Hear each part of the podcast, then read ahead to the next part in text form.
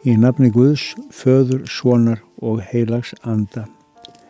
Heyrum orð úr fjallaræðu Jésu þar sem hann fræður um líf og breytni lærisveina sinna. Þar eru kröfur en líka bóðun endurlausnar og fyrirgefningar þar sem hann leiðir og stiður. Leiðsögn hans er tröst. Hér eru kvartningarorð úr 5. kapitula Mattiðsar Guðspjáls. Þér eru saltjarðar. Ef saltið dofnar, með hverju á þá að selta það?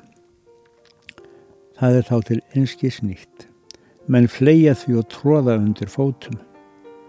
Þér eru ljós heimsins. Borg sem á fjallistendur fær ekki dölist. Ekki kveikja menn heldur ljós og setja undir mælikér heldur ljósastykku og þá lýsir það öllum í húsinu. Þannig lýsir ljós yðar meðal mannana að þeir sjáu góð verk yðar og veksa með föður yðar sem er á himnu. Já, byggjum því drottinum styrk til kristins lífs. Almáttugur eilufur Guð sem allur ræður og eitt þekkir allt því góða. Gef okkur þá framkomu og breytni sem leiðir af sér það góða. Kenn þú okkur að vera ljós sem best til annars fólks. Veittu okkur styrk til þess að láta ljós okkar lýsa þannig að það ljómi hefur góða. Byggjum fyrir því fólki sem býr við myrkur hugars, þar sem ástæður geta verið svo margar, send þar drottin ljómað þíns ljós. Lát það lýsa og gefa von og blessun.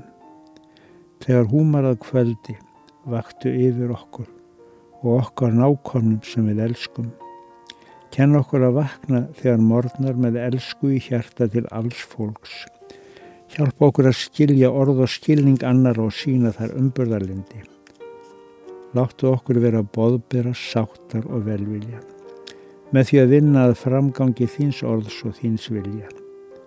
Myndu okkur á að byggja fyrir þeim sem eru eini veröldinni, finna sig sett til hliðar, ljóta illa meðferð. Gef þær líka von og trú kendu okkur að láta breytnina sem við sínum verða til þess að gefa von. Þess byggjum við í Jésu nafni og segjum Fadir vor, þú sem ert á heiminum, helgist þitt nafn, tilkomið þitt ríki, verði þinn viljið svo á jörðu sem á himni. Gef oss í dag vort daglegt brauð.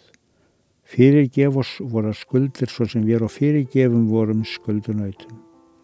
Og eigi leið þú oss í fresni heldur frelsa oss frá yllu því að þetta er ríkið, mátturinn og dýrðin að eilífu. Amen.